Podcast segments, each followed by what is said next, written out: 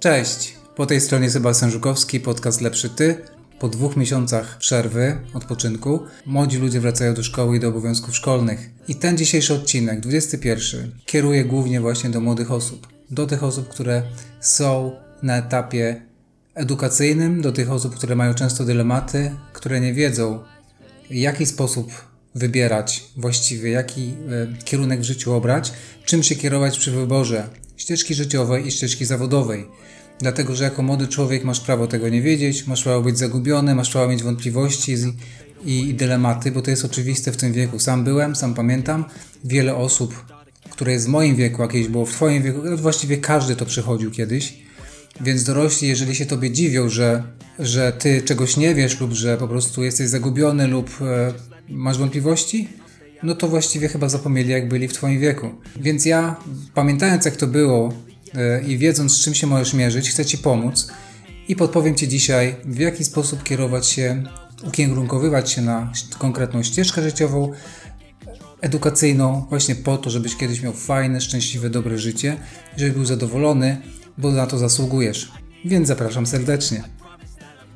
Drogi słuchaczu, tak jak powiedziałam na początku, sam doświadczałam tego, czego często ty doświadczasz, zagubienia, niepewności, wątpliwości. To jest oczywiście normalne.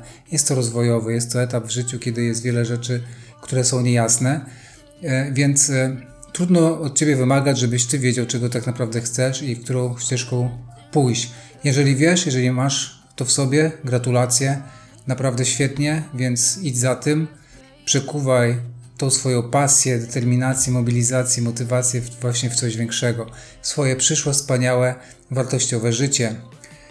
Ale jeżeli tego nie wiesz, jeżeli tego nie czujesz, jeżeli nie wiesz, jak do tego podejść, to posłuchaj, poświęć tych kilkanaście minut na to, żeby się tego dowiedzieć. Chcę Ci o tym opowiedzieć z punktu widzenia właśnie osoby, mówię o sobie, która obserwuje rynek pracy, która sama rekrutuje pracowników różnego szczebla, która również była kiedyś zrekrutowana, która również przechodziła różne etapy życia i mierzyła się z wieloma wyzwaniami.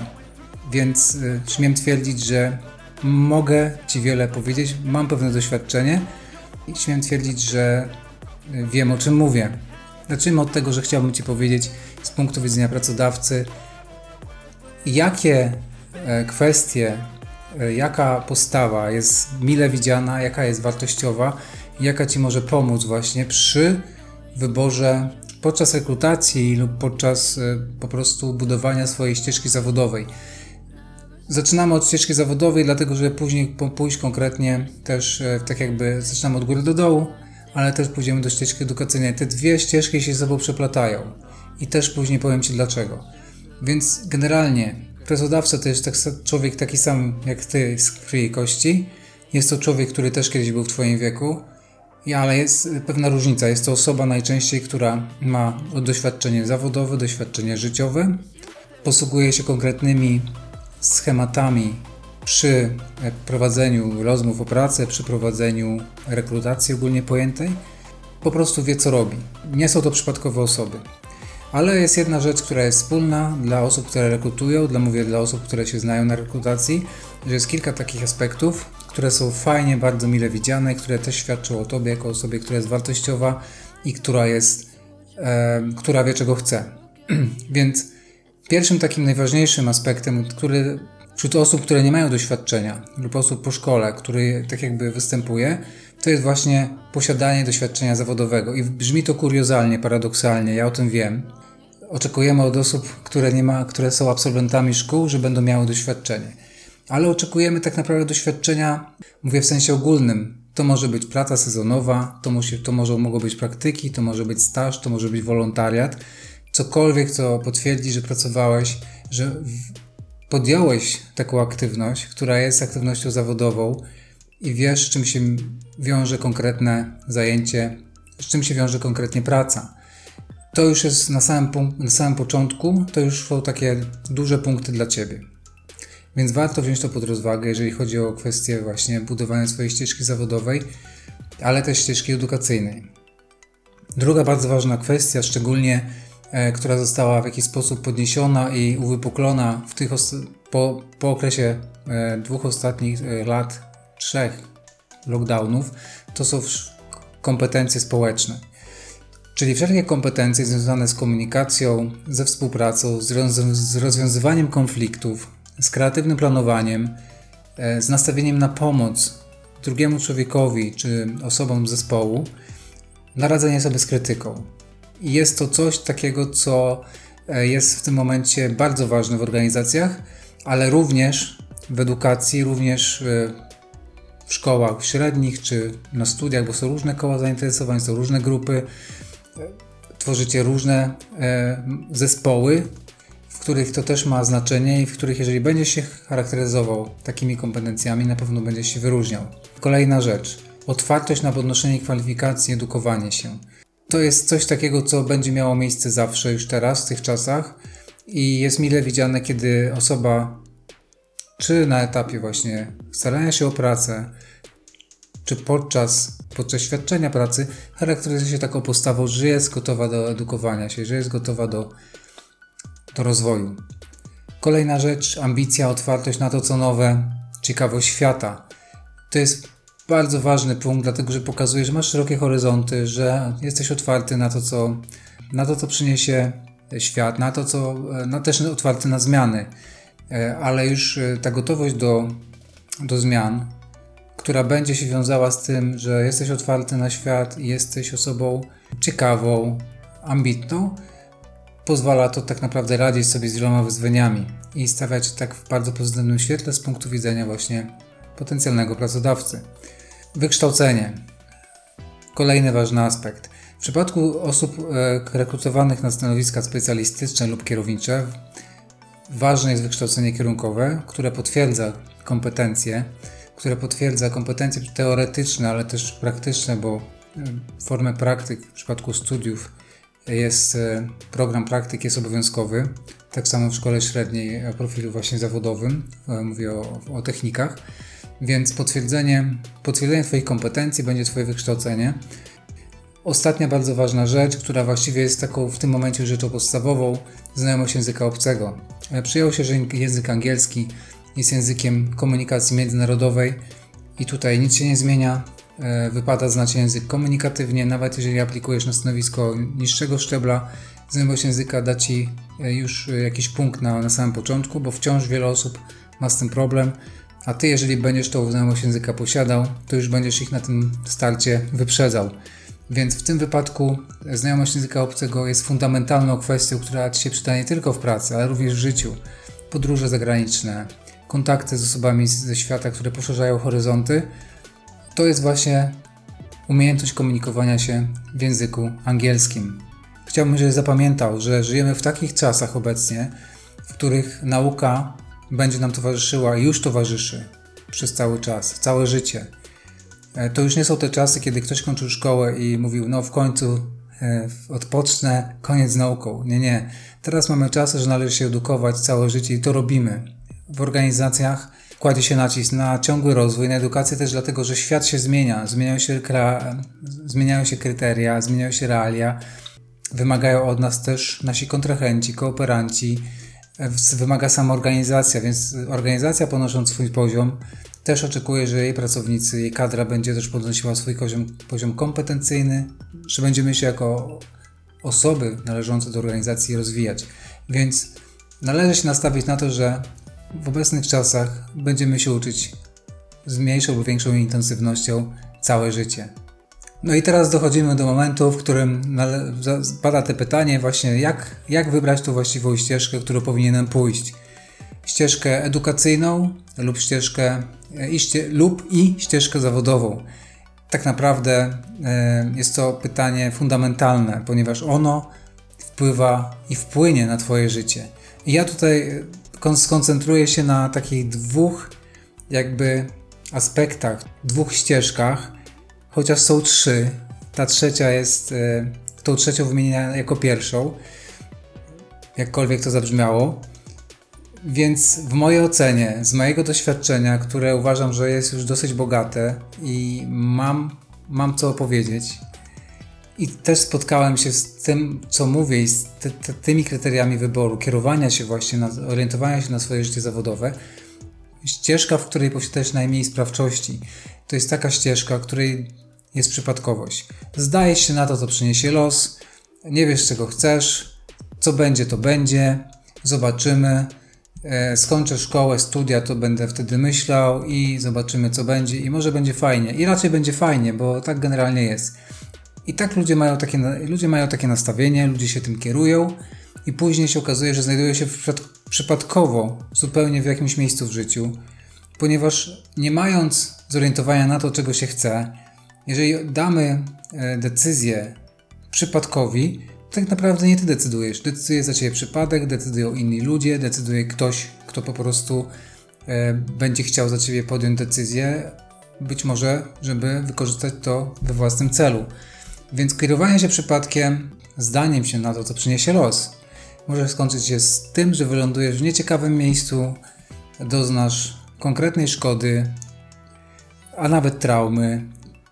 Może się skończyć tym, że uwstecznisz się, że naprawdę będzie to dla ciebie e, przeżycie, doświadczenie wręcz e, stwarzające pewne zagrożenia. Dlatego e, ta ścieżka, dlatego ją wymieniam, że ona też jest, też jest wyborem niektórych osób które uważają, że tak naprawdę lepiej na spontanie iść przez życie.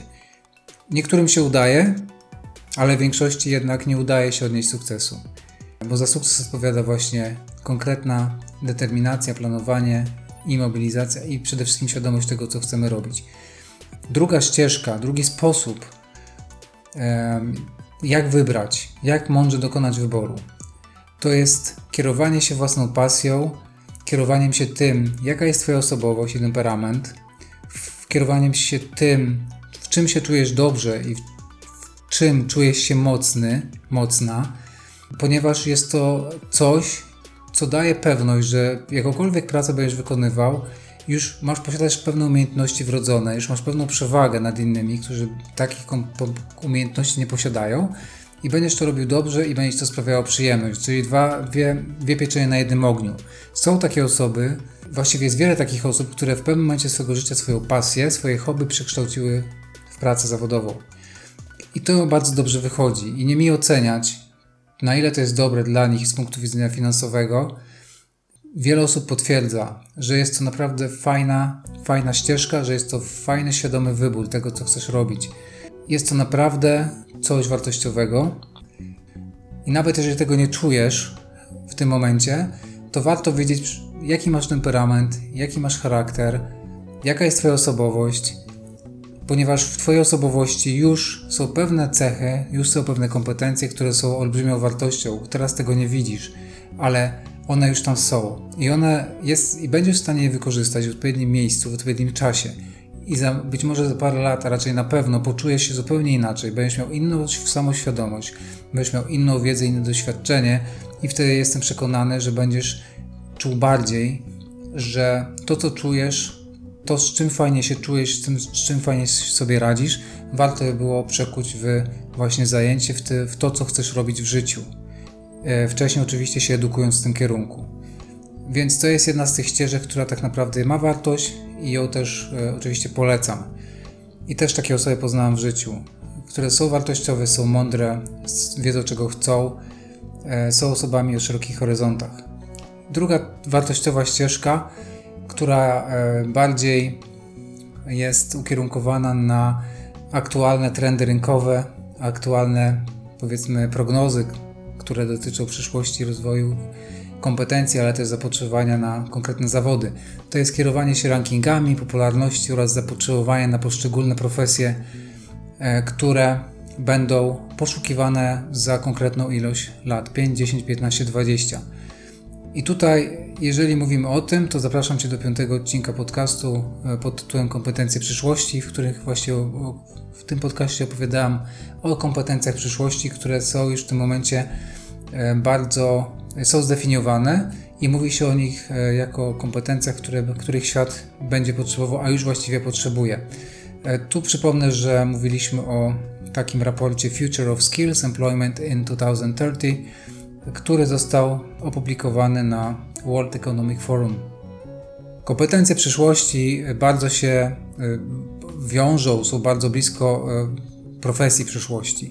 Jedne wynikają z drugich.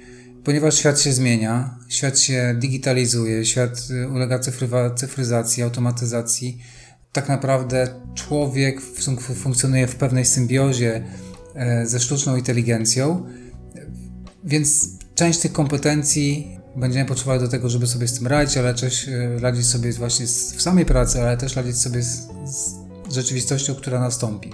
Mówiąc o profesji przyszłości, Polska Agencja Rozwoju Przedsiębiorczości prognozuje natomiast, że po roku 2022 na rynek pracy i zawody przyszłości największy wpływ będą miały dynamicznie rozwijające się technologie, w tym postępująca automatyzacja, rynek specjalistów, rozwój wiedzy i rosnące znaczenie kreatywności. Czyli to jest to, co powiedziałem przed chwilą. I jeszcze jest jedna rzecz, że jeden cytat. Spójrzmy na chwilę w odległą przyszłość. World Economic Forum przewiduje, że zawody przyszłości, które będą wykonywać które będą wykonywane przez większość obecnych uczniów, na razie w ogóle nie istnieją albo są tak niszowe, że słysząc o nich na myśl przychodzą nam raczej filmy science fiction, e, bo mówimy tutaj o takich zawodach jak kontrolerzy ruchu dronów, mechanicy samochodów autonomicznych, twórcy organów z komórek macierzystych czy synoptycy trzęsień ziemi. Więc brzmi to naprawdę futurystycznie, ale świat idzie w tym kierunku, rzeczywiście już zaczynają się pojawiać takie e, głosy, że takich profesji nie ma i one by się przydały. Zachęcam Cię też do e, śledzenia rankingów, które są okresowo publikowane w konkretnych, e, na konkretnych stronach internetowych polskich, też zagranicznych. Jeżeli znasz angielski, to nawet lepiej, dlatego że te zagraniczne strony są bardziej uaktualniane. Wszystko, co powiedzmy te rankingi dotyczące rozwoju świata są, przychodzą najpierw ze Stanów, ze stron anglojęzycznych.